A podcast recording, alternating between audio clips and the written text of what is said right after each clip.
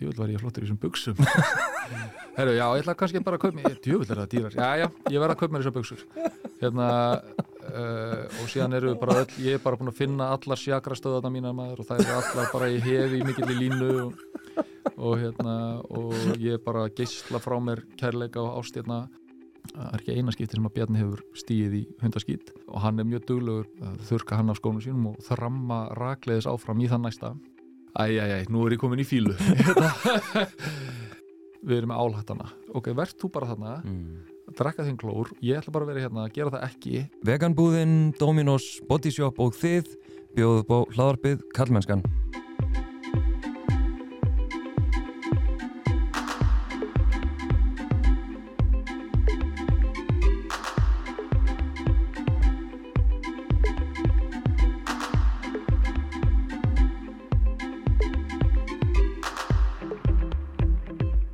Ég heiti Þorsteinn Maður Feinarsson og sé einni um samfélagsmiðlinn Kallmennskan á Instagram, eh, Facebook, TikTok og eh, kallmennskan.is þar sem að þú getur meðal annars skjast bakkjarl við verkefni Kallmennskunar með mánaðarlegum styrtar greiðslum.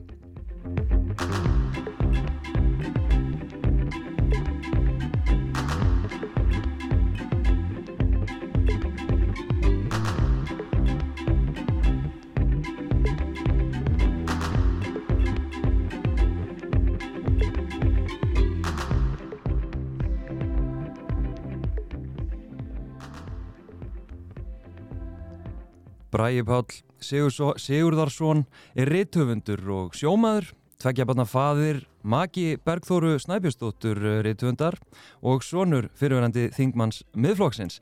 Bræi Páll gaf út bókina Arnaldur Deyr fyrir síðustu jól sem naut mikill að vinsælda en í viðtali við Lóðisur Rut á Rást 2 sagði Bræi Páll að óheðarleiki og klúður var minn raunveruleiki. Bræi Páll, velkomin. Já, takk, takk fyrir að bjóða mér Takk fyrir að koma. Við, það er nú alltaf þannig að, að hérna, ef ég byrja að spjalla við fólk sem er komið í setti árin byrja að taka upp að þá förum við inn á svona góða brautir. Við vorum aðeins að hitta upp hérna að tala um sjálfstæðisflokkin. Já, einmitt Ef ekki bara, ef ekki bara byrja á sjálfstæðisflokknum. eða? Ok, ég get alltaf ég get alltaf talað um sjálfstæðarflokkin Sko, hérna, þú varst að rifja upp að þú skrifaðir pistla hérna, sem þú heimsóttir hérna landsfundin en svo líka skrifaður bara pistil um daginn þar sem að þú talaður um hérna fasista í hvað, fínum jakkafutum eða eitthvað. Jú, minni það Hvað, akkur hattar þú sjálfstæðisflokkin? uh, Ég veit ekki sko hvort að hatur er, er uh, alveg rétt á orðið sko en hérna ætli ég sé ekki bara svolítið þreyttur á sjálfstæðarflokknum uh, og langa bara helst að öll að gefa honum smá frí frá hérna stjórnarsitt og held að bæði sjálfstæðarflokkurinn og, og uh, landsmenn allir hefur svolítið gott að því að, að kæla þessa mafíu sem að sjálfstæðarflokkurinn er í, í hérna nokkur ár og, og leifaði maður þess að uh, já, kannski finna fyrir því hvernig er að sitja hinum með borðið, vera valdalus þeir náttúrulega eru búin að sitja við við völd í ríkistjóninni meira og minna frá líðildistofnun Mm -hmm. og hérna uh, ég held að það sé bara engum engri stjórnmálarhefingu holdt að vera við völd svona lengi. Uh, alveg burt sér frá því hvar hún er á, á þessum uh, stjórnmála ás þannig að ég hugsa hatur sé kannski ekki alveg uh, alveg nákvæmlega rétt á orðið en, en ég skil samt hvað þú ert að fara ég skil hvernig er þetta að draga þessu álítun sko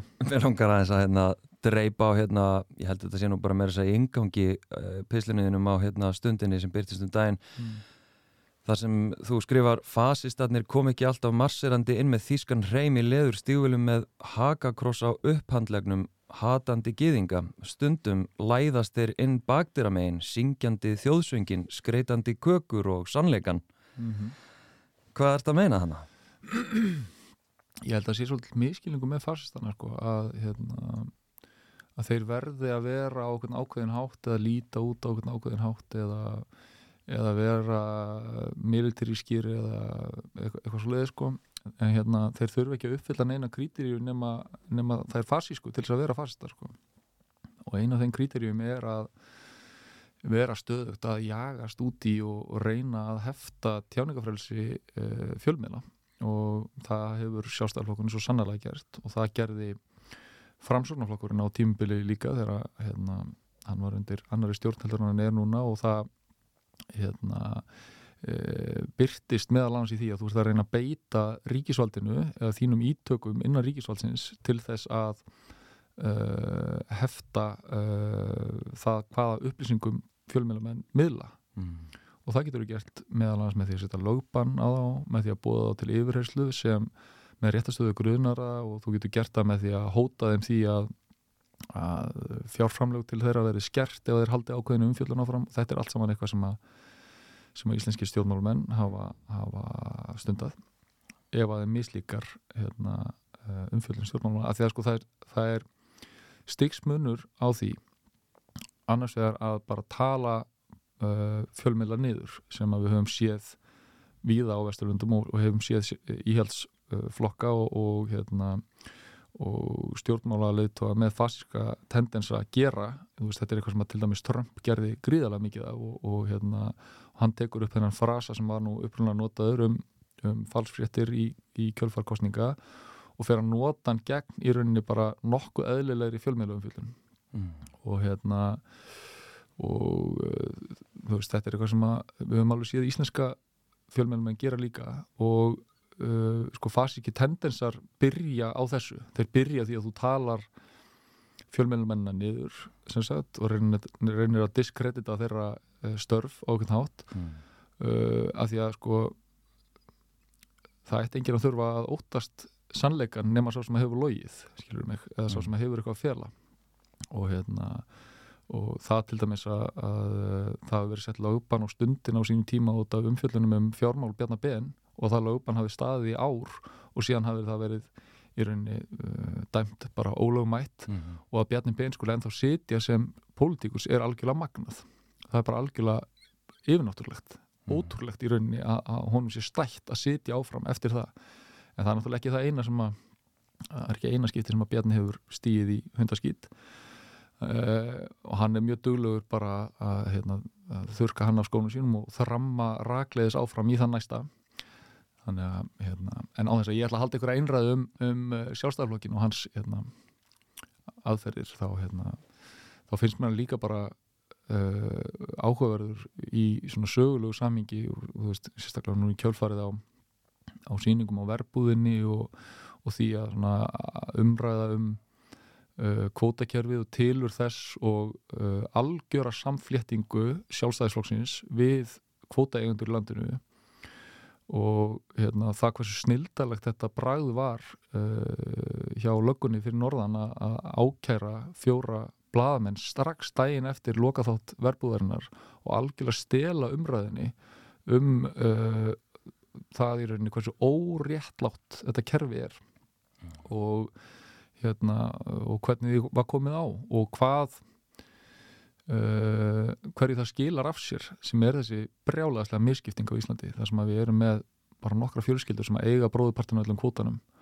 og hagnast viðbjóðslega á því og eiga morgumblaðið og eru með því líka tengingar inn í sjálfstæðarflokkin og ég, þú veist, ég vil ekki hljóma eins og hérna, einhver samsæðiskenningar sem við erum það en þú veist, þetta er allt saman bara borlegjandi þetta er bara uppsingar sem heitir að nálgast í íslensku fjölmjölum og íslenskum sögubókum um það hvernig, hvernig þessi tengsl eru alls samil mm -hmm og, og til dæmis hvað afhjúpar hérna, afhjúpa Panamaskjölinn þau afhjúpa ekki aðeins að uh, eh, fórustum með nýsjálfstæðarfloknum, ekki bara Bjarni Ben hafi átt eignir í skattaskjólum og logið til það, þau afhjúpa einnig að íslenskir kvotaeigundur þeir allra stæstu eru með fólk í vinnu við það að flytja fyrir fram hjá íslensku skattaauðvöldum hvað þýðir það? Það þýðir bara að það verið að stela peningum af íslensku þjóðinni sem ætti að fara í samneyslu okkar, sem ætti að fara í það að búa hérna til vegi og halda upp í skólum og reyka hilbriðiskerfi í staðin er þetta fólk með reikninga á okkur um aflandsegjum stappfulla af peningum sem við eigum mm. og þetta ég veit ekki til þess að það hefur nokkur mann eitt verið gert í þessari uppgötum þú veist það breytist ekki til kjálfara Panamaskjáluna Nei.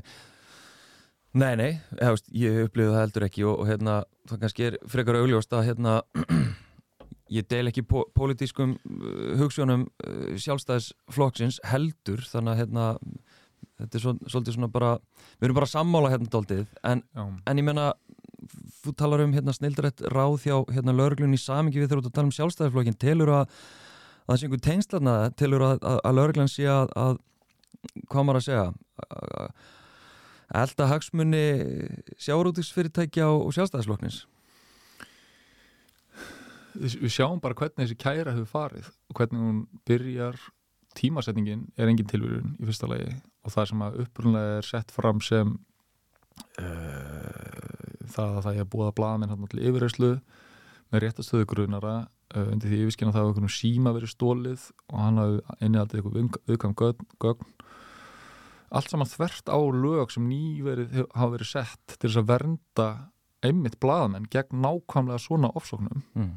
Uh, og allan tíman er, er hérna uh, eru fórstumenn í sjálfstæðarflokknum að verja störl lögurlunar sem að þeir almennt gera ekki meðan að máli eru bara okkur rannsóknastígi en þarna stígaði fram og gera svakala Facebook posta og, og Brynjar uh, Níelsson mætir og, hérna, og gargar og gólar og, og rópar og guppar eins og hún er með einu með lægið út um allt og hérna og uh, allt einhvern veginn um yfirstandandi rannsókn um það að blaða með verðinu bara að vera döglegir að geta skít og halda kæfti mm. þegar, að, þegar að þú veist það er verið að veita staðin fyrir það eitt að vinna vinnuna sína mm -hmm.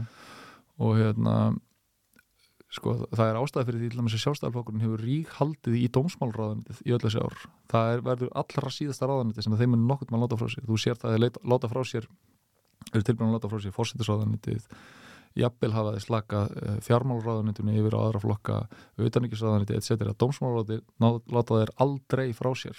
En þar ertu með yfiráð yfir domstólunum, þú ert með yfiráð yfir lauruglunni, þú ert með yfiráð yfir öllu kerfinu sem teku við þegar allt fer í fokk, skilur við og þeir eru mjög duglegir að skipa dómara og, og lauruglustjóra og síslumenn um allt sem að þeir vita eru hliðhóllir sér það er þannig sem að kolkarabin breyður úr sér.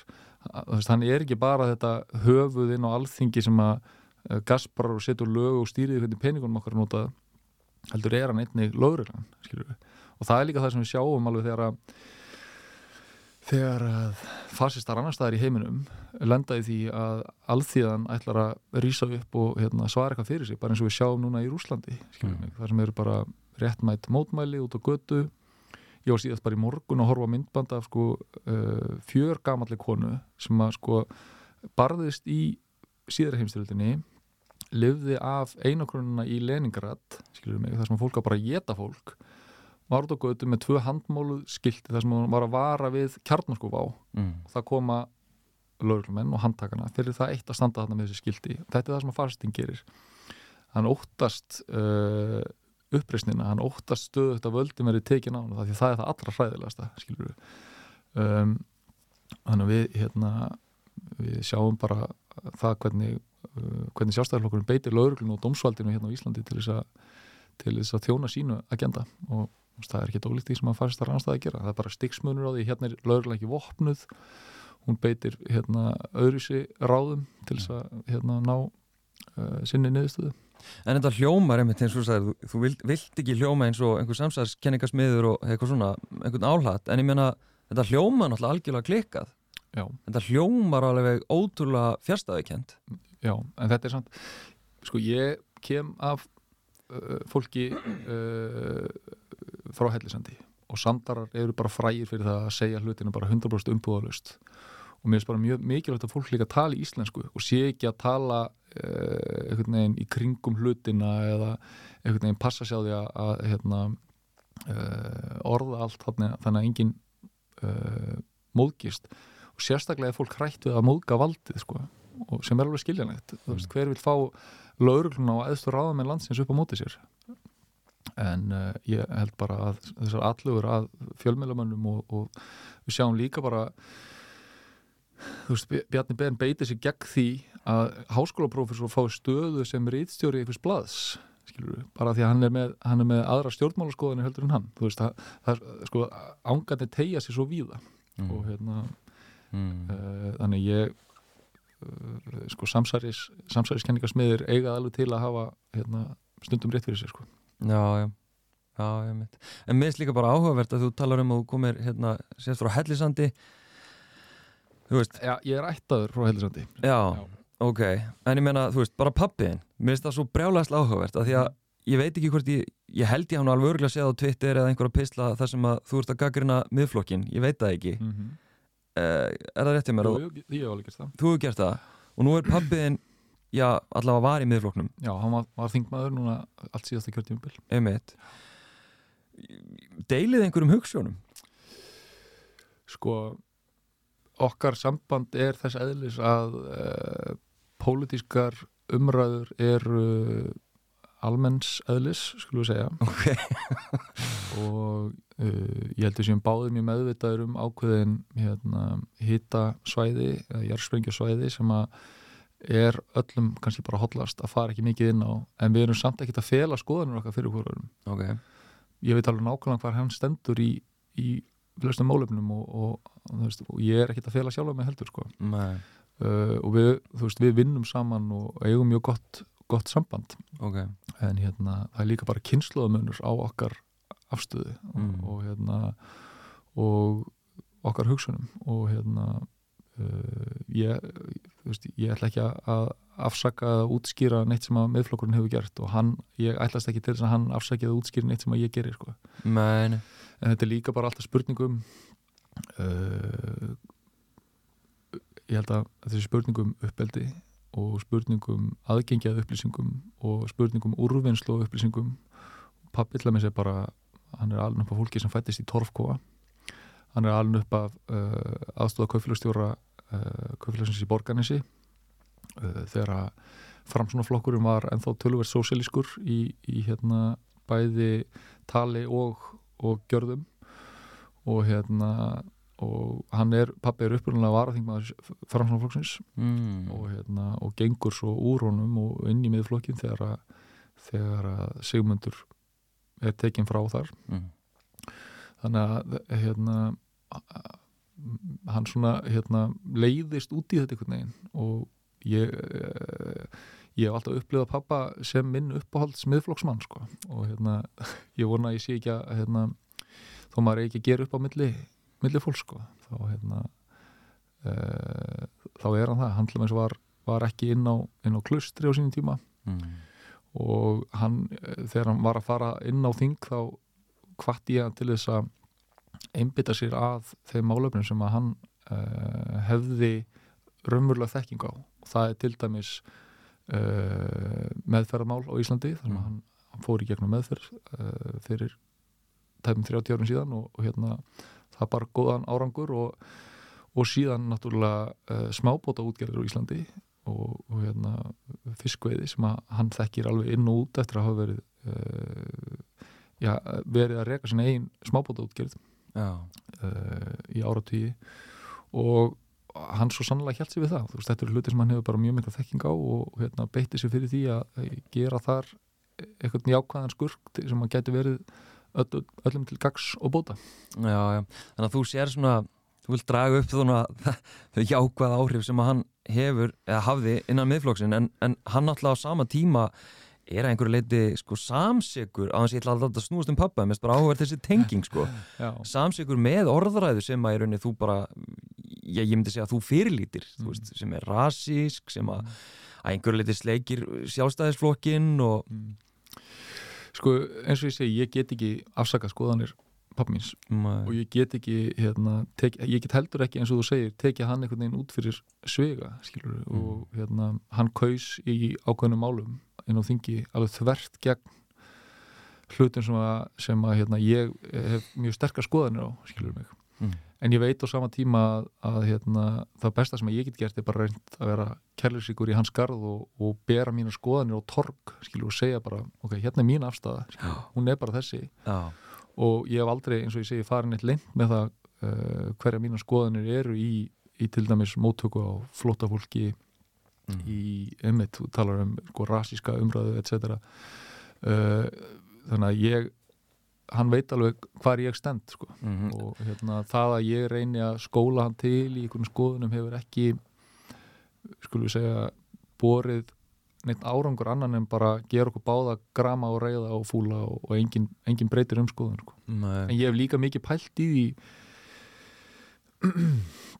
hvernig þú getur fengið fólk sem þér þykir mjög væntum til þess að hérna, skoða málinn frá öðrum hliðum heldur en þeim sem þeir standa í og sérstaklega eins og núna í, í kjölfarið á, á sko, COVID og í kjölfarið á öllu þessu uh, falsfrétta Trumps brjálaði sem búið verið í gangi í síðustu 5-6 ár mm.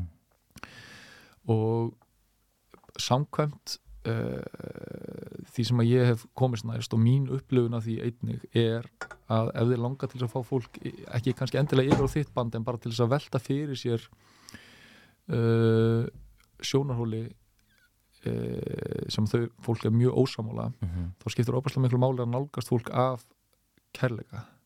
Og þetta kannski hljómar í mótsögn við það hvernig ég til dæmis tala um sjálfstæðalflokkin sjálfstæðalflokkurinn er á endanum bara fólk. Já, já. Og mér finnst það, það til dæmis að reyna að sjokkera fólk út úr því að bara í blindni kjósa alltaf sama fótboltalið og það hefur alltaf haldið með og sama fótboltalið og fóröldarinn heldur með og að þetta sé bara það eina sem skiptir ykkur máli þegar það eru meira að segja aðrir íhaldsamir valkostir í bóði um, nú til dæmis þekki ég líka og, og áalveg fólk sem ég þykja væntum sem að hérna, hefur algjörlega kóklift uh, orðræðuna gegn uh, bóluefnum. Mm og kókleift orðræðuna um það að, hérna, að, að COVID sé bara eitthvað flensa og, og, hérna, og þetta hafi allt saman verið hérna, eh, eitthvað vitlisa sem við hefum ekki átt að taka þátt í sem að er að ölluleiti byggt á raungum upplýsingum og opaslega miskilningur og opaslega leiðilegt að, að það sé verið að bera út og halda þessum upplýsingum að fólki eh, það sem gerist er að, þessir einstaklingar upplifa að þeir hafi veginn séð bak við eitthvað tjöld -hmm. sem sé búið að draga alveg pingulítið frá og þau sjá eitthvað meiri sannleik heldur en við hinn Mhm. þegar það er bókstala bara verið að hella eh, klór upp í fólk og fólk er bara að drekka klór í gegnum samfélagsmiðla Mm. allan daginn, allan daga. Og heldur að þetta sé óbúslega svalandi en þetta er fullkomlega eitrað. En þau eru alls saman í klórdrykkju klúbnum, skilur mig og eru bara, hérna erum við að drekka klór saman og þetta er eina vitið að drekka klór. Og það sem þau upplifa þá er að þau tilheyri einhverjum hóp og þau séu hérna með eitthvað æðri tilgang í á kaotískum tímum heldur en bara að vera að meðtaka vondar fréttir Mm. og að vondu fréttina séu lígi og einu raunverulegu uppsingar eru Illuminati, Big Pharma hvað sem þú vilt kalla það Mm. og þess sérstaklega sko þessi taug að, að upplifa að þú tilheyrir er svo sterk í fólki og hérna ef þú tekur þessa einstaklinga og segir við það, heyrðu, ok, þú mátt vera með þessar erfiðu, skadlegu skoðanir en þú mátt líka tilheyra hópnum mínum skilur, ég ætla ekki að úthýsa þér Mm. úr mínu mengi, kontu hérna já, tölum um þetta, skilur við endilega segðu mér, sendu mér hérna öll þessi, alla þessi YouTube-leiki, en þú veist, hvað er fyrir þetta ömmuðinni, Mm. skilur mig Mm. og hérna, eigum við ekki að kíkja í kaffi bráðlega og um leiðu ert farin að leiða fólki að upplifa það tilheyri einhverjum öðrum hóp heldur en þessum átkast klórdrykju hóp þá ertu margvælt líklegri til þess að fá fólk til þess að snúa við hérna blaðinu og hætta uh, þessari deilingu uh, útdeilingu á mikju og, og klór sem að er í gangi Mm. Já, ég meina þarna, þú veist, lýsuru veist, því sem að ég einmitt velt fyrir mér og ég er oft líka spurður um, sko, hérna þetta þegar gott fólk er með ef að segja vondar skoðanir að þegar gott fólk í rauninni gerir vonda hluti mm. skilur þetta fyrirbæri og ég er svo oft spurður hvernig fæ ég pappa minn til þess að hætta að vera svo mikil karlremba Mm.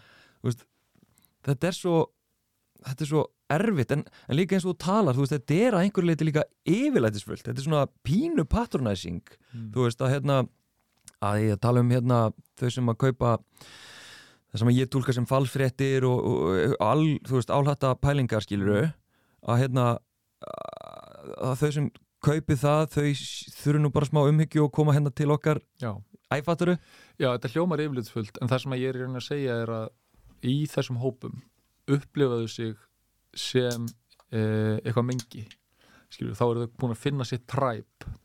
Þetta er mitt træp hérna við erum álhattana skilur, við erum álhattatræpið og við erum hérna að deila upplýsingum algjörlega fylgtislaust okkar á milli Mhm, um hérna hvað allir aðrir eru vittlusir mhm. og það er rosa gaman hjá okkur og sjá þetta hérna og sjá þetta hérna. Og þú veist, núna sjáum við alveg bara svona seamless transition úr COVID yfir í Putin Já. og við erum að sjá sömu aðeila og við erum að deila falsfréttum um COVID og um Trump er núna farin að deila falsfréttum um Úkræn og um Putin og þú veist, þetta mun bara halda áfram mm. og þú veist, margir einhvern veginn byggust við því að þegar COVID myndi koðna niður og þá er þetta búið og, og hérna, fólk myndi fá fjölskyldumæli mín sína aftur, Já. það er ekki að fara að gerast. Nei, nei, það er bara eitthvað, það er bara eitthvað annað að fara að taka við í sama árfarvegi mm. uh, og það sem að ég líka búin að vera að sjá er að fólk bæði hérna á Íslandi og víðar í heiminum er að tala um að það er að missa fjölskyldumælum í sína Mm. það er að bæði sko eru þessir einstaklingar sem eru, eru algjörlega helbent á því að með, meðtaka og innbyrða þessar upplýsingar Mm. að útýsa börnunum sínum, vinnufélugum, vinum, að því að, að þeim tekst ekki að konverta þeim yfir í uh, Bill Gates hérna, eh, er djöfullin pælinguna Mm. og það, þú veist, það er verða til svona rift, Mm. þar sem er annars vegar hópur af fólki sem er bara tilbúið að meðtaka þessar upplýsingar og bara trúa á það eins og nýnet og hins vegar fólk sem er bara að meðtaka fréttir eins og það eru almennt meðteknar Mm. með bara svona healthy skepticism Mm. uh, og þetta rift er einhvern veginn, það þarf að gera eitthvað til þess að láta það gróa, skilur við Já, já, og það verður ekki gert með upprópunum og með, með hérna, Facebook-rifrildum og, og með því að hætta að tala við fjölskyldumælum í sína etc. Því við verðum að gróa það skilur, því Já. við búum öll bara, við erum öll bara manneskjur í sama samfélaginu etc. Og, ég held að kærleikurinn sé miklu líklari til þess að láta það gróa heldur en hérna, það að vera eitthvað að rembast við að dýbanka eða hérna, já, með betri upplýsingum og Já, gögnum og, því að það, það, það er sko, þetta er svo mikið bunker mentality mm. að þú ert ekki að fara að hérna, ná í gegn Mm. það eina sem hann mun ná í gegn er bara að segja ok, gleymum þessu bara þess ok, verð þú bara þarna, Mm. drekka þinn klór ég ætla bara að vera hérna að gera það ekki en getum við ekki samt bara komið saman á ykkur öðru leveli Já?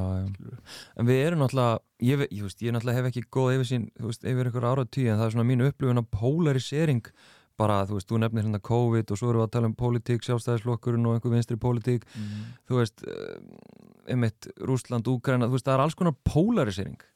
Og, og hérna þú talað þannig í rauninni gegn henni og hvernig við tæklum þessa polariseringu sem er náttúrulega óbáslega slæm, veist, það er slæmt að, að þetta séu einhvern veginn svona ofbóðslega tvistrað Já.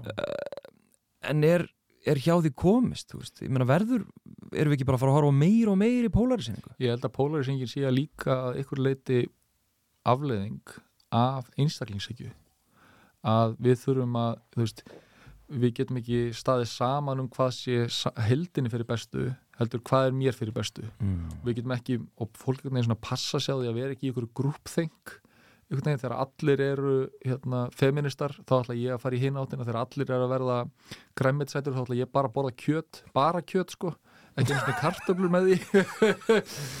Og hérna veist, sem er eitthvað svona eh, eitthvað svona pöngara hugsun sem að hérna, maður skilur alveg. Veist, það vilja allir vera einstaklingar en einstaklingshyggjan þessi opbúslega áhersla á ég fyrir mig að vera eins ríkur og ég get og kaupa eins mikið og ég get og, og hérna, senda börnum mín í engaskóla og, og keira á stóra bílnum mínum og hérna, gefa skíti allt og alla uh, og hún er tildulega ungt fyrirbæri í mannkísugunni Mm. Við, við erum búin að vera bróðupartin af okkar tíma sem dýrategund eru búin að vera um það byrj hundra manna hópur að hanga saman að reyna að passa upp á hvort annað Mm. og reyna að lækna þá sem eru veikir og reyna að hjálpa þá sem að, þeim sem að þurfa hjálp og reyna að ná í mat saman og reyna að finna skjól saman og etc. Það sem gerir síðan með borgamynduninni og sérhæfingum og, og síðan náttúrulega með tilkomu kapitalismans er að þetta þessi samstað okkar sem er algjörlega innbyggð í okkur hún er algjörlega bara, bara innbyggð inn í taugakerfið hjá okkur að við, við sínum fólki umhyggju skilur mig. Mm. en þe- þessi eitraða blanda líðræðis og kapitalisma er að gera það að verkum að við erum að kjósa siðblinda einstaklinga til að segja okkur hvernig við erum að hugsa og til að skapa kerfið okkar. Og þeir taka við greiðslum frá siðblindum ríkum einstaklingum sem að segja þeim hvernig kerfið á að vera.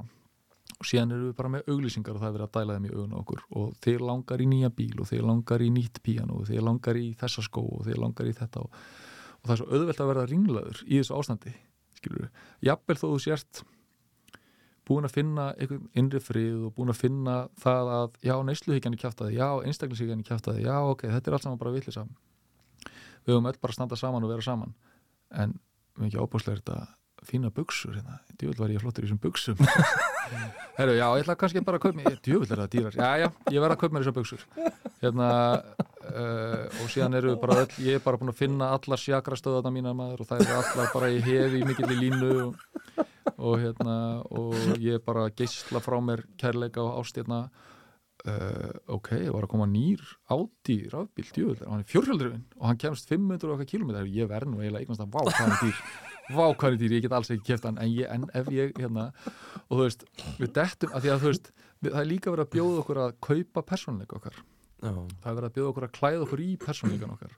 Og síðan er verið að bjóða okkur núna að, að fá skoðanir á uh, helstu deilumálum samtímans sem að samhæfast persónleik okkar. Þannig að ef við erum outcasts, pöngarar uh, hippar svona sem að lifa einhvern veginn að upplifum að við séum svona jaðarfólk þá verið að bjóða okkur alternativ jaðarhugsanir og alternativ jaðarskoðanir sem eru uh, já, COVID er í gangi en hvað er COVID er bara ekki í gangi? Já, bólöfnir virka, en hvað er bólöfnir er bara, virka bara öfugt og við bara bjarga fólk ekki heldur drepa þau skilur, og síðan bara getur þú farið þú getur farið og fundið staðfestingu á öllu sem þið langar til að finna staðfestingu á skilur þú finnur bara eitthvað blogg og eitthvað brjálæðing og sérstaklega ef eitthvað fólk hefur hagsmunaði fjárhastlega að dæla þessum upplýsingum til þín. Mm. þannig að svo auðvelt að verða ringlaður og verða uh, hissa og verða hrættur og bregðast við í ótta og reyna að kaupa óttan í burtu og reyna, reyna að bæja óttanum í burtu með, með nýjum og nýjum upplýsingum. Já ok, ok, nú er ég búin að finna sannleikan að nei, ok, hann var kjæftæði, ok, hérna er sannleikur nei, ok, þetta var líka kjæftæði við erum stöðt að reyna að grípa í ykkur hálmstrá skilur við, ekkert þeirra er að fara að virka. Mm. ekkert, þú veist, þau, þau, þau er ekki föst við neitt. Mm. við erum alltaf bara að fara að halda að falla og falla aftur í ótta og debur og etc. ef við höldum áfram að vera först í hjólfari einstaklisíkunar Já. og vera först í því að ég þarf bara gera það sem er best fyrir mig allir aðeins geta bara getið skít skilur við, að því að svo hugsun er að fara að leiða sér hegðun sem er ekki að fara að gefa af sér neitt nema bara vanlíðan Mm. þannig að þetta er allt saman óbúslega skiljanlegt ég skil akkur fólk fer inn í þessar þessi skotgrafabyrgi með öðrum þar sem að þau eru að fýta ránkumutir í hvort annað af því að það er hlýja að þeim veist, þú, það, það kemur varmi að þeim sem að hlýja þeir í smá stund sérstaklega óvissu tímum. Mm. þú veist, núna bara Rúsland að ráðast inn í Úkræn og bara kannski að fara að sprengjur kjarnúsprengjur og, en hvað ef að rússa vita nákvæmlega hvað er að gera? Og hvað ef að þetta er nú bara allt í lagi? Og hvað ef að óvissan er ef að rússar eigða óvissunni með því að skapa meiri stöðuleika með meira stríði?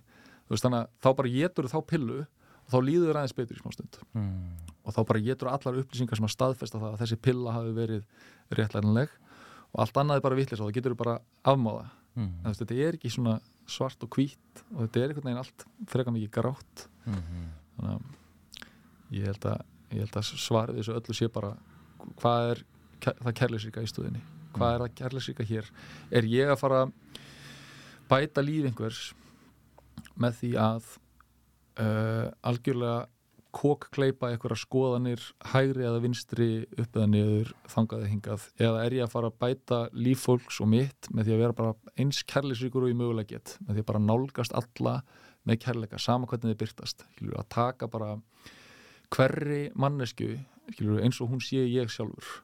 Og Mm. bara reyna, ok, nú bara hérna, þú veist, því að það er ekkert mál að vera umburlendur gagvart geðvett næs fólki það, við, við tveir sitjum hérna drekkum okkur gós, erum bara frekar sammála á flestum já. það er ekkert mál að vera almennlega við þig, en segjum sér svo að þú væri bara algjör fretus bara búin að vera að drekka klór í allan dag, skilur Mm. mig.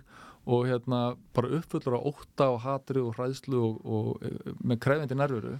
Það, veist, það er challengeið að vera almennlegur og, og nálgast þannig einstakling með kærleika. Já, þú, þú talar einmitt aldrei um að hérna að nálgast einstaklingana með kjærleika en svo náttúrulega beituru sko, sko hárfýtni ef að segja hæðinni að, að sko valda kerfinu og, og hérna.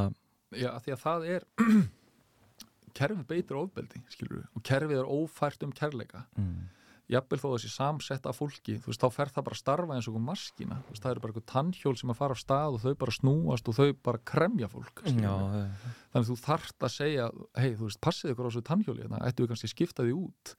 Það er bara stór hættulegt uh, þú veist, það, það er bara eitthvað vél komin í gang og hún bara getur fólk. Mér langar að tengja þetta tannhjól og, polarisýringuna aðeins inn í, inn í karlmennsku og karlmennsku hugmyndir.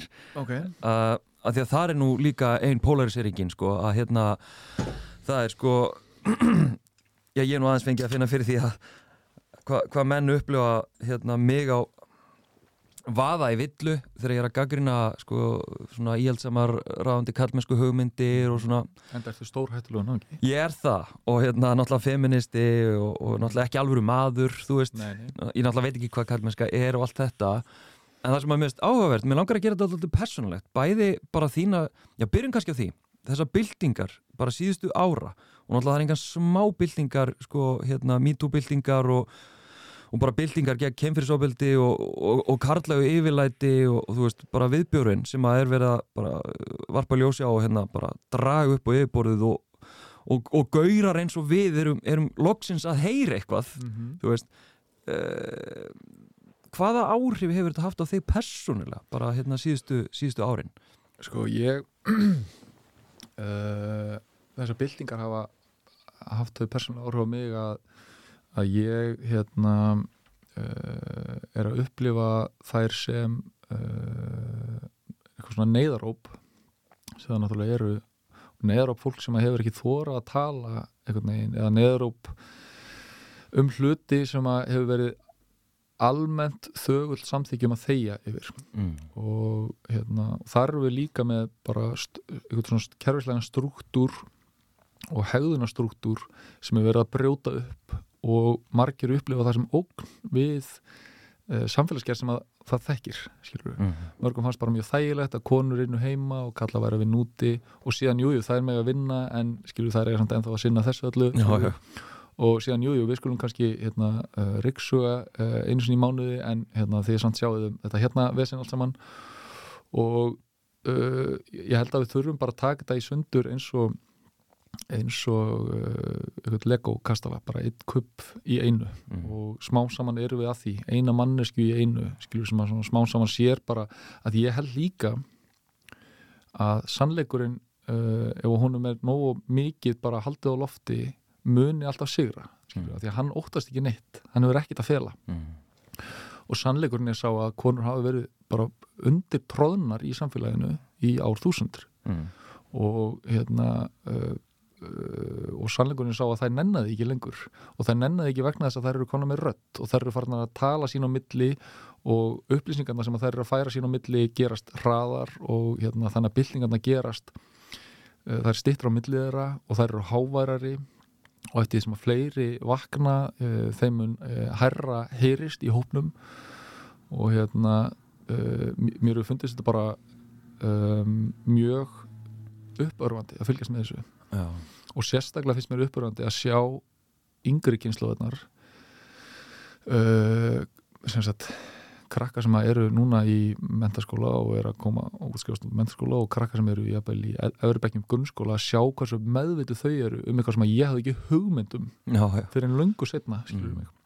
það er ekki fyrir ná úlningsárni sem ég fer að lesa ykkur anarkíska bókmentir og ég bara, já, heyrðu, ok, þetta með að geða þetta mikið sens þú veist, það hvernig valdakerfin eru stöðut að kremja okkur og hvernig valdhafar eru stöðut að reyna að halda í völd þó er eða ekki skilið og það hvað þetta er allt saman ógislega gallað og mannmont og hérna og de facto tilgangslöst fyrir alla nema auðvaldið skilur við uh, það er bara ekki lægi og það þarf ykkur að tala gegn því skilur við Mm -hmm. Mér langar að hérna að þú, þú tókst strax byltinguna sko, ég spyrði um byltingarnar og hvernig þetta snerti persónulega, þú, þú, þú tókst það strax sko í rauninu inn á heimilið sem er svona Já. einhvern veginn síðasta við liggum við færaveldi sinn sko, það er þetta persónulega inn á heimilunum mm -hmm. og hérna hefur þetta ekkert verið óþægilegt fyrir því ég meina, ég bara reikna með því að því að þú sjálfur talað um þín forréttindi og hérna, ég meina, bara hvernig samfélagsgerðin bara mótar okkur og Mhm. sjálfsmynd okkur og hegðun jafnvel aðeins að við föttum það. Mhm. og það bara fylgjur okkur þegar við förum inn á heimilið og, og, og sérstaklega þetta minnstur sem við sjáum milli kalla og kvenna sem að eiga heimilið saman og jafnvel börn. Hefur þetta ekkert verið óþægilegt fyrir því persónulega það sem þú nefnir með mjög óþægilegt. Af því að ég líka þurft að horfast í augu við uh, sko mína formótun skilur, og hvernig hún mótaði það hvernig ég hegða mér í dag og hvernig hún mótaði það hvernig þe- þessi sko uh, hegðunarmynstur sem að ég á ofbúslega erfitt með að brjóta upp. Og líka bara hug, sko að því að hugsunin er svo gömul hjá mér sko, veist, hún er, hún er einhvern veginn mjög trénuð og fúl. Og ég þarf stöðu þetta filtera þar sem ég er að upplifa í gegnum þær upplýsingar sem ég fengið síðan að ég mótaðist Þa, og það bara, þundum eru bara hérna, uh, hjólin einhvern veginn að snúast inn í haustum á mér uh, og ég verð að leifa þeim að gera það áður en ég bregst við Mm. uh, og þú talar um heimilið og heimilið er alltaf sá staður sem við eigðum stæðsum okkar tíma og eigum okkar bestu stundir og erum með okkar besta fólki og, og hérna ég held að sambíliskona mín er alveg örgulega sammála því að ég hérna, er ennþá bara lærlingur. Já, þegar kemur á því hvernig ég eigi að hegða mér sem karlmaður í ykkur jafnréttis samfélagi þar sem að allir bera jafnar byrðar. Og hérna en ég reynir samt að vera uh, duglegur að bregðast við í ykkur öðru heldur en reyði þegar mér er sagt að ég sé ekki að, að hegða mér eins og ég á að hegða mér. Af því að fyrsta viðbræð er náttúrulega mér var kent að svona ætti þetta að vera. Þannig að þú ert að segja að þetta sé ekki eins og þetta á að vera þannig að, þannig að ég er þú ert að gera vittlisu, ekki ég, já, já. um, og, og líka bara um það hvernig veist, ekki bara öll ábyrðin og, og heimilistörfin að því að oft er svo lítið gert úr heimilistörfum en Mm. þau eru alveg hefi mál. Já, já. og þau eru bara ótrúlega stór hluti af því hvernig sérstaklega konur þurfa og neyðast að eyða sínum tíma inn á heimilinu. Mm uh, en sko mínar Karlkins fyrirmyndir það er bara lág upp í sófa og voru að lesa blaðið meðan að konuna voru að gera rest síðan bara sett þau niður og borðuðu mat og fóru síðan að horfa fréttir og hérna, og ef að krakkarnir voru að tala þá bara haldið í kjafti. En það halda kjafti, skilur og hvað er fjastringin og okkur virkar ekki prentarinn og þú veist allur þessi djas, skilur veit það sko. Og það er mjög auðvelt fyrir mig að fara í þetta hlutverk mm Mhm. því þetta er rulla sem að ég uh, horfið á allar mínar kall fyrirmyndir meirum minna í mínu lífi og minni æsku stunda. Mhm. uh, þannig að það að fara í uh, caretaker, það að fara í, í hérna, þrif og, og, og umstangin á heimilinu það krefst alveg svona ekstra efforts hjá mér skilur, og ég þarf að vera meðvitaður um bara ok, allt þetta draslina, það tilherir mér líka skilur, og allir þessi blettir inn á parkettinu, þeir tilherir mér líka, ég á þetta líka skilur, og uh, þú veist, við erum bara stöðut að leita leiða til þess að ég geti orðið betri og almennilegur skilur, af því að mér finnst engin eða til eitthvað sem að heitir sangirni þá er engin sangirni í því að ég taki ekki að minnstakosti 50% þátt í því sem er að gerast inn á heimilinu. Já, ég mitt Ég meina, ég bara tengi 100% við, við það sem ert að tala um sko, þetta með að það var svo vond þú veist, ég, hérna ég er nú orðin tildulega gamall svona þegar ég vakna til vitundar um, um, um ferraveldi og, og kallmennsku og hérna, og er einhvern veginn samhliða að byggja upp þetta samband sem ég er í dag uh, við erum búin að vera saman hann í átta á núna að sko að vera þessi feministi og vera dálítið svona outspoken og vera gaggrina kallmennsku hugmyndir og sko byrjaði svona að taka kúsa í kynjafræðinu og svo framvegis að ég man sko mómenti þar sem að Hulda kona minn segir hérna hún, hún er sérst sálfræðingur sko þannig að hún kann svona bera hlutina þú veist, ég upplifi að mér þætti vandum að þú veist, þú myndir kannski aðeins hérna taka mér ábyrð á einhverju hérna. Og bara vörninn þú veist, af því að það sem ég upplifa var að segja þú ert bara eitthvað frott þú veist, þú ert bara eitthvað kjafta, þú að þykist vera feministi og svo ert þú ekki að gera raskat inn á heimil, þú veist, en hún var ekki að segja ég var ekki að gera raskat og ég var ekki feministi. Það er bara mín upplifun, sko, að þetta er svo vondur að hugmyndi mín er um sjálfan mig og gildismætti mitt samræmast ekki því hvernig ég raunverulega hafa mér og hvernig hún upplifir mig. Þannig að þess vegna er þetta svo óbáslega óþægilegt sko. Já, þetta er sásviki sem maður upplifir. Já, og maður upplifir skömm og hérna, allt þetta, af því að það er sko það er mjög auðvelt að vera feministi í teóriu einmitt. Að vera kalkinsfeminist í teóri er piece of cake. Þú bara, þú bara lest eitthvað mím og þú er bara, já, a word. Yes, queen, eitthvað.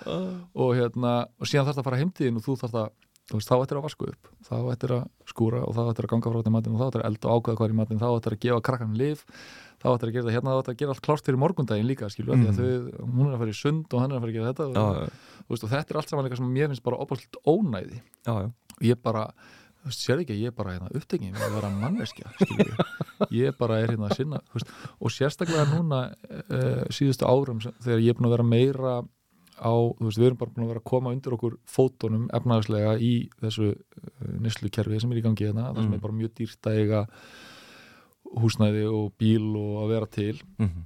og ég er búin að vera mjög mikið á sjó Mhm. og þá við að fara aftur í einhverja svona mjög rústig hegðun þar sem að ég er bara frá dögum saman uh, hún ein með krakkana ég kem í land og er bara úrvinda og líkam og sál og á þá að fara að taka þátt í hérna, uh, heimilistörum hún líka úrvinda og líkam og sál Einmitt. en ég hef alltaf hort upp á sjómenn komin á heimilið og bara maturinn er til Já, og það er bara búið að þrýfa fötin og brjóta þau saman og þau eru bara að klára það skilur mig. Einmitt. og bara, veist, bara hendum einum nýjum DFD-disk í krakkan skilur og síðan bara setjast þið niður og tökum því rólega og ég þarf að manual, þú veist, þetta er bara handstýrt. Þarf ég að átta mig á því að já, ok, hún er á nákvæmlega sama stað þó hún sé búin að, ekki búin að vera út á sjó mig, og þá þarf ég bara að fara hérna og taka þátt í því og, og hérna ég, þetta er alltaf, þetta virkar ekki alltaf hjá mér Nei, nei. mjög oft fer ég bara í sömu gömlu hugsunuminsturinn að svona hef ég bara fylst með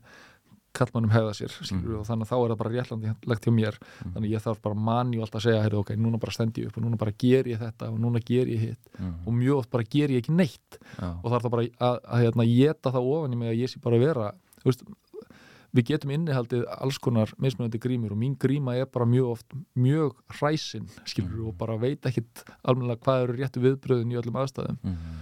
og hérna uh, og ég hugsa Bergþóra sambiliskona mín sé bara alveg samála því að ég, eins og ég segi, ég á bara mjög oft mjög langt í land en ég reyni að vera samt líka tilbúin að viðurkenna mistök mín og ég, mér hafi orðið á og ég sé ekki að hægða mér eins og best verið á kosið og reyna að finna nýra leiða til þess að reyna að nálgast eitthvað jafnræði í því Mhm. hvernig við gerum hlutum Ég veit, ég, það er svona mín upplöfun bæði bara því að díla við þetta sjálfur og, hérna, og, og, og allt sko að, að þetta sé mitt það sem við þurfum að halda að meðvitað og manualt einmitt að stíga og velja að, að axla þessa ábyrð sem okkur ber að því við erum að bera hérna, heimili saman og, og, og alveg börn saman og, og allt þetta að það þurfi að handstýra þessu í gang og einmitt að þegar að því að við munum algjörlega rugglast og gera mistök að þegar okkur er bent á þau eða við áttum okkur á því að einhvern veginn umgangast það með kjærleika og, en ekki þessu, þessu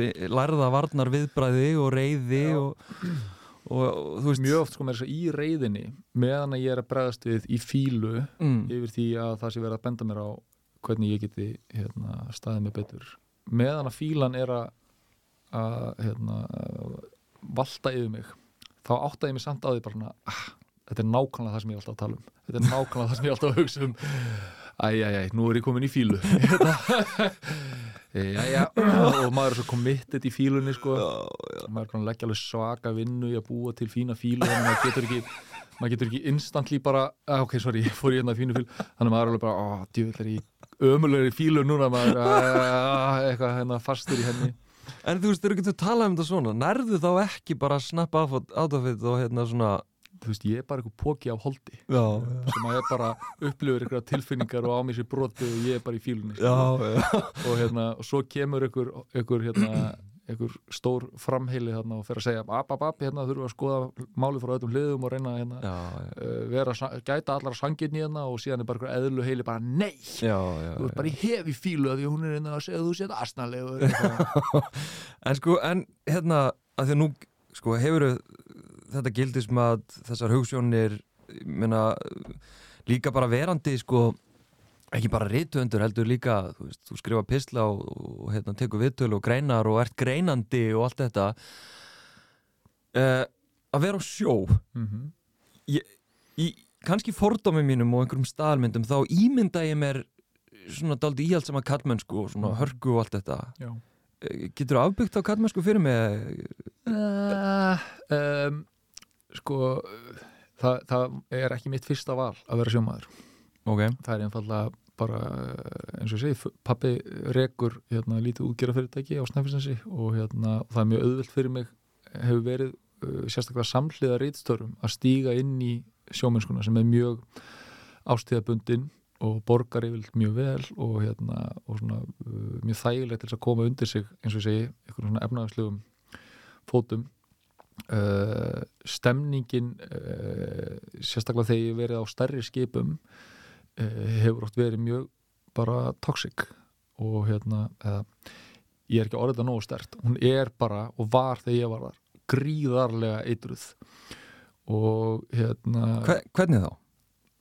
sko sérstaklega þegar kemur að svona heysing og uh, eineltis tilburðum og, og því að uh, menni ekki að væla og bara harka af sér og, og hérna uh, og, og þú veist bara svona ákveðnar tilfinningar sem að við sem samfélag höfum eirnamert sem kvenlægar mm. Mm. þykja ekki mjög fínar Mm. Mm. og hérna og það er alveg veist, rannsóknir sem hafa bent til þess að það sé svipa magn af einelti þá gerir rannsókn á, á sagt, einelti á íslenskum vinnustöðum það sé svipa magn af einelti í stó, á stórum fiskiskipum eins og er inn í, í fangjálsum Mm.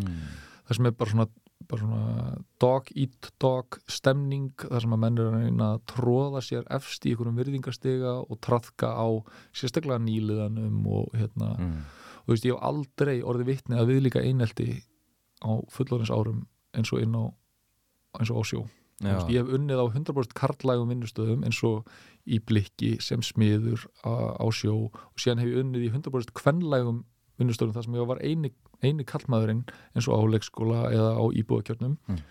og e, sko stemningin er bara þetta er bara dagur og nótt Mm. því að það er eitthvað svona kúltúr fyrir því að það sem að fulla köllum koma saman uh, þar er bara ákveðin tjáningamáti og ákveðin samskipti sem eru mjög mannfjandsamleg sem að viðgangast Mm. og hérna, eru samþygt og viðtekin Mm. og þau þekkjast ekki á því kaliberi inn á hvernig vinnustöðum Mm. hefur mér fundist. Já, en hvernig er þetta núna? Þú talar um í fortíðinu var þetta svona rosalega toxic, er þetta bara ég sko hef ekki verið á, á svona stærri tógurum síðan 2007 ok, þá höfum þetta verið bara ég og pappi eða ég og, og félaga mínir að fara á sjó og, já, já. og það er náttúrulega þegar það eru bara tveir samankomnir og þeir þekkjast þá er svolítið önnur stemning sko. Já, og þetta eru styttri túrar þú veist við förum yfirleitt út bara nættunar og komum heim sent á kvöldin og hérna menn er ekkert að hanga í, í messanum eitthvað að- að hérna, setja kýtti ofan í kaffibóllan hjá hver öðrum þegar það eru bara Mm. tveir og, og hinn aðilin er pappi minn skilur uh,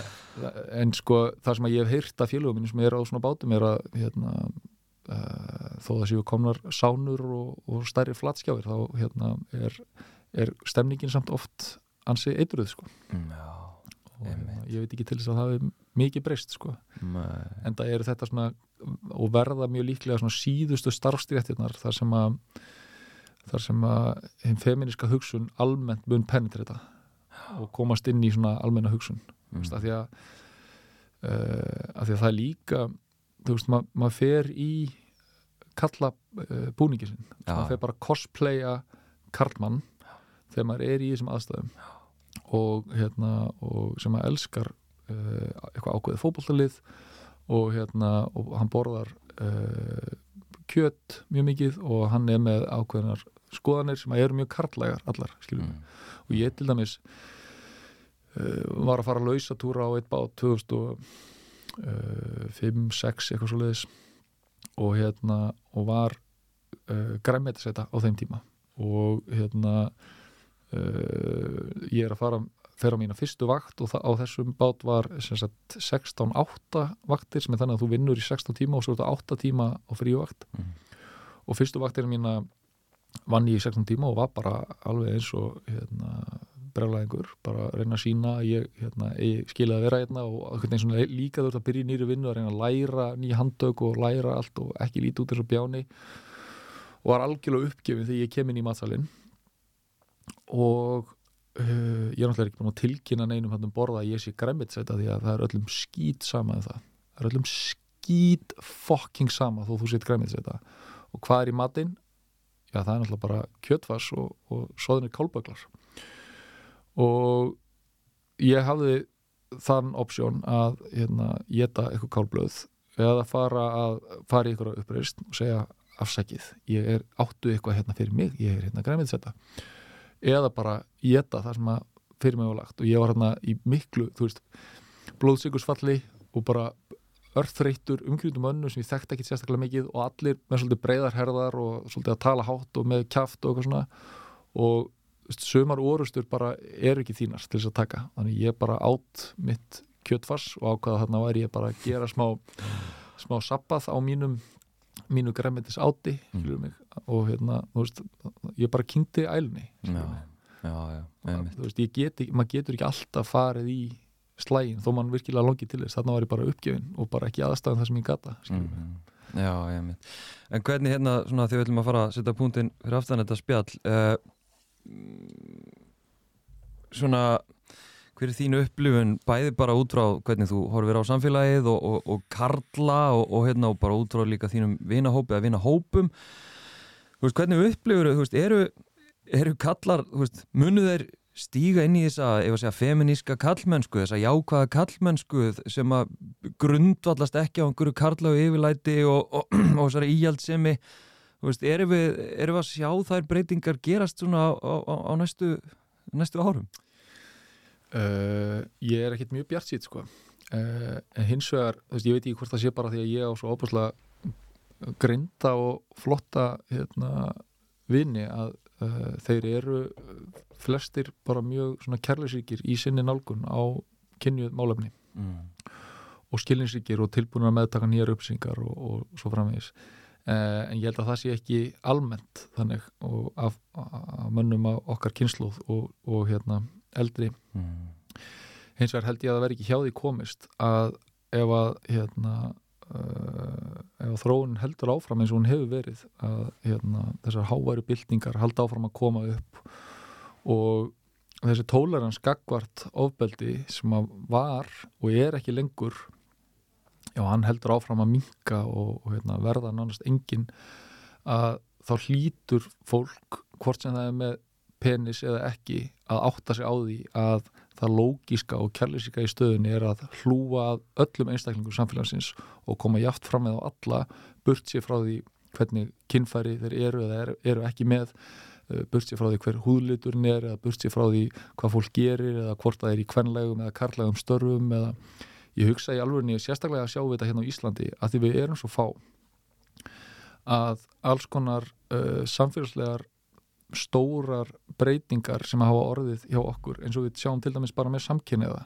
samkynniðir fóru til dæla snemma hérna á Íslandi að hljóta réttindi og eitthvað svona réttastöðu aðra heldur en við sjáum í löndum í kringum okkur starri þar sem að íhaldið er, er íhaldsamar og hefur meir tök í fjölmjölum og etc. Mm.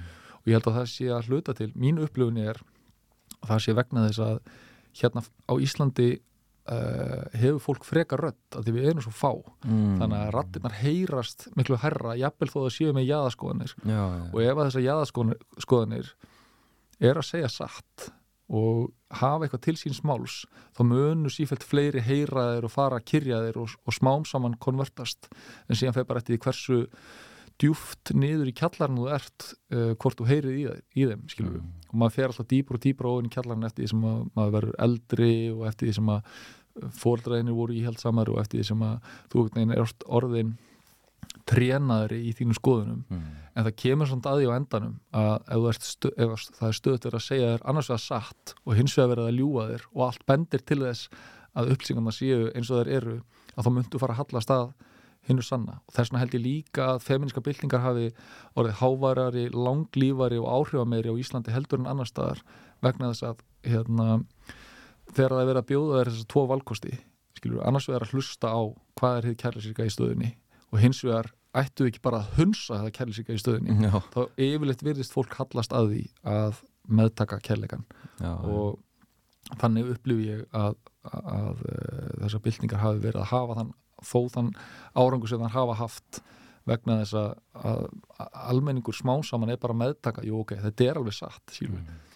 en það, það hefur engin neitt efnagslegan eða, eða hérna, persónlegan ávinning að því að vera ljúa kynferðisbrotum upp á neitt uh, líklega eru allir þessir einstaklingar bara að segja satt skilur, ok, hvernig ætlum við að bregðast við því og síðan er bara að fara að bregðast við því Mm. ef við skoðum bara hvernig ástandi var fyrir ég veit ekki bara tíu árum skilur fyrir, þegar ég er að skrifa minn fyrsta, fyrsti pistilin sem að byrtist eftir mig ofinbarlega sem ég sendi á hérna, knús.is sem var bara pistilin um það hvernig ég gerðist feministi og það var fyrir það var fyrir rúmum tíu árum síðan. Eða já, um það byrð bara tíu árum síðan. Þá meiris að þótti af köllum á mínum aldri skrítið að kalla sig feminista mm. það er bara fyrir tíu árum Mm. þannig að það er ekki lengra en það síðan að, að hlutinni voru bara pínliti skrítnir mm.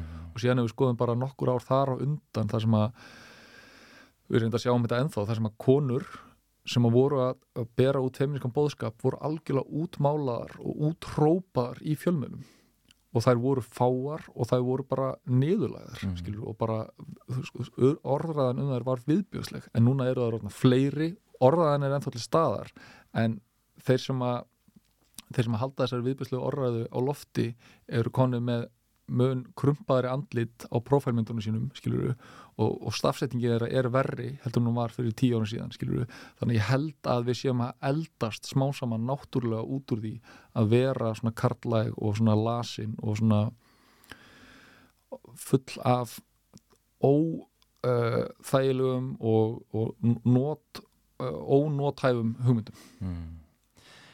Látum þetta vera loka orðin Bræði Pál Sigurðarsson, takk hjá fyrir spjallið. Takk